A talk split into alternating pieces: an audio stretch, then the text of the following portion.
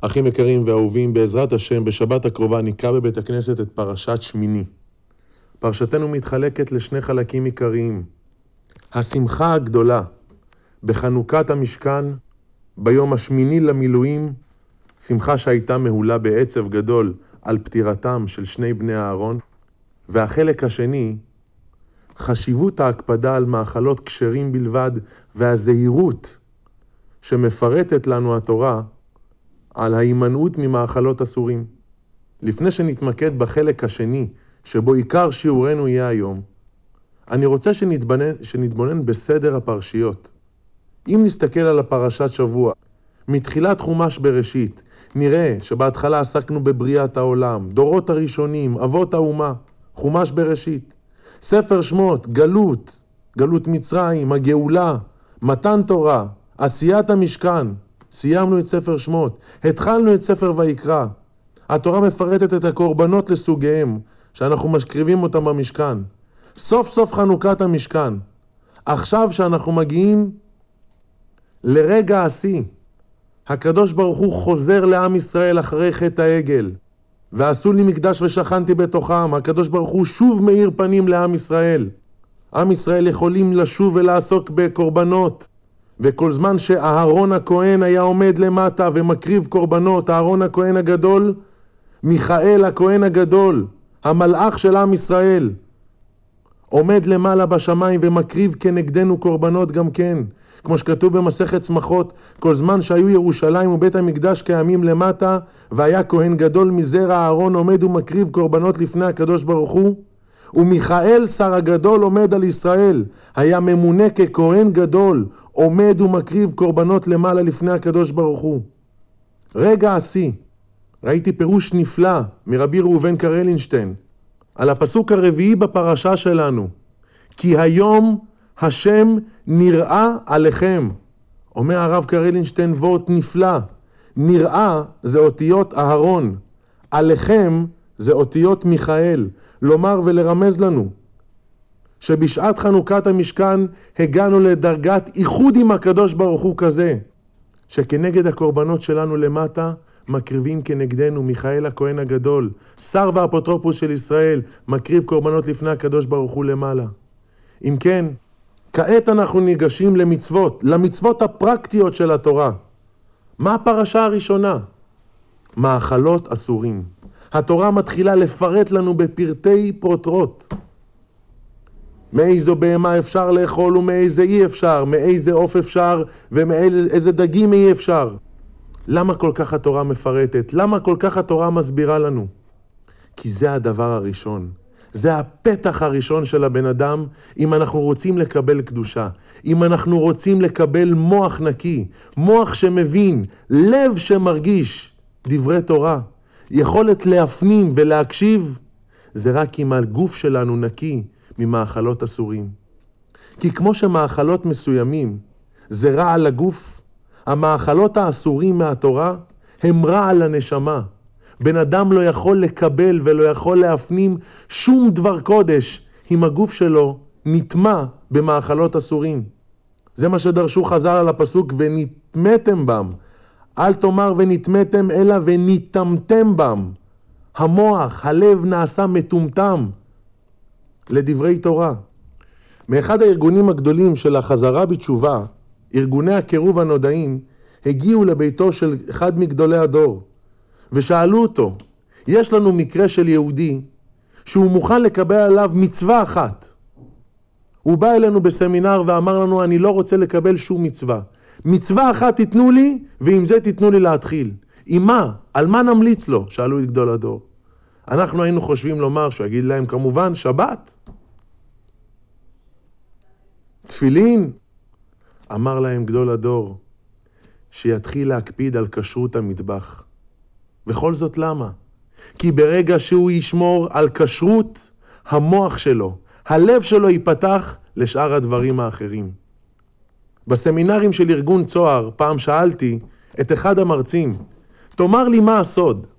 מה הסוד שבחורים שמגיעים חילונים לגמרי, לא מכירים שום דבר מהיהדות, איך אחרי ארבעה ימים הם משתנים? איך אחרי ארבעה ימים של סמינר הם מתהפכים מהקצה לקצה ומוכנים לקבל על עצמם עול תורה ומצוות במלואם? אמר לי, אתה חושב שזה השכנוע שלנו? אתה חושב שזה דברים שהם לא ידעו לפני כן, שכאן הם ידעו? גם. אבל הסוד הוא אחד. במשך ארבעה ימים אנחנו מבודדים אותם. אנחנו שומרים אותם בתוך בית מלון, שאנחנו אחראים על הכשרות שלו. הם אוכלים בארבעת הימים האלה אך ורק אוכל כשר. הגוף ניזון במאכלים כשרים, המוח יכול לקבל קדושה. הלב יכול לקבל ולהפנים את דברי האמת שהוא שומע. נבחן את עצמנו, תמיד אנחנו מתנהגים ככה, תמיד אנחנו נזהרים, תמיד אנחנו נשמרים. כשאנחנו רוצים לקנות רכב, כמה אנחנו בודקים, כמה אנחנו שואלים, איזה שנה, כמה קילומטרים, איזו יד, מי נהג לפני כן, יד ראשונה מרופא, מה הדגם, כמה אנחנו מפשפשים עד שאנחנו קונים. כשאנחנו רוצים לקנות דירה, אנחנו, נקרא רק, אנחנו נקנה רק מקבלן אמין. בכל מקח שנעשה בחיים שלנו, אנחנו לא נרצה לצאת פריירים, איך שאומרים. אבל ראה איזה פלא, יהודי מגיע למסעדה, רואה כשרות, רואה תעודה, לא כל כך מכיר את הכשרות, אבל הרעב מתגבר בתוכו, והוא אומר, אני אוכל. אם יש בעיה, זה בעיה לזה שנתן את הכשרות. איפה בדיקה של שחיטה, ניכור, מליחה, תרומות ומעשרות, בישולי עקום, סתם יינם? אני שימשתי במשך תקופה ארוכה כמשגיח כשרות. רק כשנכנסתי למסעדה, רק כשהייתי במטבח, במאחורה, בבק, איך שאומרים. רק אז הבנתי כמה זהירות וכמה אחריות צריך להיות על משגיח כשרות. ואומר לכם את האמת, מאז קיבלתי פחד לאכול במסעדות. לפעמים מגיעים לחתונה, רואים שזה כשר, אומרים לך, הכשירו את המטבח, היום במיוחד חתונה במקום לא כל כך מוכר. במקום שבדרך כלל זה לא כשרות טובה, אומרים לך, הכשירו, עשו במיוחד. הלכת לבדוק, דיברת עם המשגיח, או שישר הסתערנו על שלל הבשרים בבר. אנחנו לא נוכל להאשים את הרב. נכון, אם חס ושלום קרתה טעות, זה בעיה של נותן הכשרות, אבל מה איתנו? אנחנו נכשלנו לבינתיים חס ושלום, אנחנו יכולים להיכשל. החפץ חיים נתן על זה משל, בן אדם מכובד ונודע, פתאום רואים אותו מסתובב בבגד ים ברחובה של עיר. ניגשים אליו, כולם אומרים לו, איפה הבגדים שלך? הוא אומר, נגנבו. אז הוא לא צודק? הוא צודק, נגנבו לו הבגדים. אבל יש בכוח הטענה הזו להלביש אותו בבגדים שלו הרגילים? אז מה נאמר? לא נאכל בכלל, כל הזמן ניזהר, כל הזמן נפחד? לא. אם אנחנו נקבל על עצמנו שאנחנו מקפידים על מאכלות אסורים, שאנחנו נזהרים, הקדוש ברוך הוא כבר ישלים לנו את המלאכה. הקדוש ברוך הוא כבר ידאג לנו שלא ניכשל חלילה במאכלות אסורים. ישנם סיפורים בעשרות על מופתים נפלאים שקרו לאנשים שהקפידו על אי אכילת מאכלות אסורים והזהירות לאכול רק במקום כשר למהדרין. אני רוצה לשתף אתכם בשני סיפורים על החידושי ערים ועל רבי שלום קסקי מארם צובה, מחלב. סיפור הראשון, פעם החידושי הערים משתתף בסעודת מצווה. הגישו את הדגים, ואז הגישו את המרק, עם בשר בתוכו. כולם באים לאכול, אבל מחכים לרב. והבעל החידושי הערים מסובב את הכפית שלו, את הכף במרק, ולא מכניס לפה, וכולם מפני כבודו ממתינים ומחכים שהרב יאכל ראשון. כך מסובב החידושי הערים את הכף בתוך, בתוך המרק, מחכה ומחכה. לפתע מתפרץ אחד מבאי הסעודה אל תוך האולם וצועק, אי אפשר לאכול מהבשר. התעוררה שאלה גדולה לגביו, עצרו. כולם הסתכלו על החידושי הערים ואמרו, תראה מה זה, רוח הקודש גלויה. אמר החידושי הערים, אין כאן רוח הקודש. אם כל אחד היה מוכן למסור את הנפש על מנת שלא לאכול מאכל אסור כמו שאני מסרתי את נפשי, כל אחד יכול להגיע להרגשה הזו, לדעת ולראות מתי האוכל כשר ומתי לא כשר. רק בכזה מצב אנחנו זוכים לסייעתא דשמיא. סיפור נוסף על רבי שלום קסקי. הוא לא רק זה שהוא נזהר, אלא גם הוא היה מציל את בני עדתו מאכילת איסור.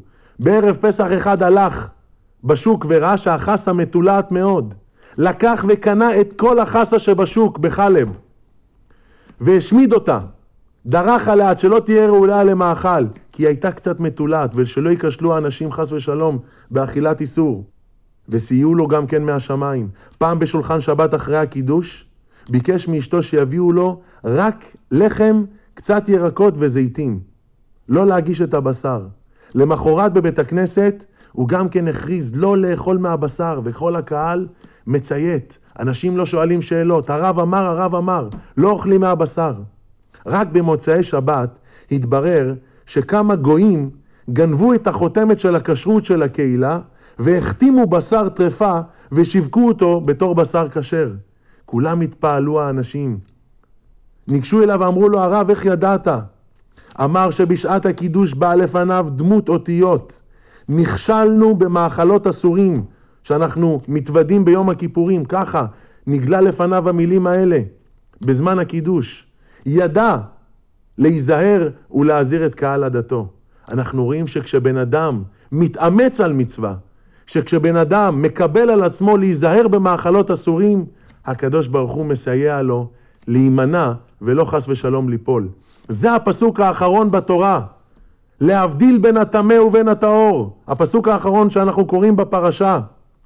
בין הטמא ובין הטהור, ובין החיה הנאכלת ובין החיה אשר לא תאכל. מה זה אשר לא תאכל? שהקדוש ברוך הוא ידאג לזה שאם אתה תקפיד על מאכלות אסורים, אז גם אם חס ושלום הגיע לפניך דבר איסור, הקדוש ברוך הוא יציל אותך מאותו דבר איסור. שבת שלום ומבורך.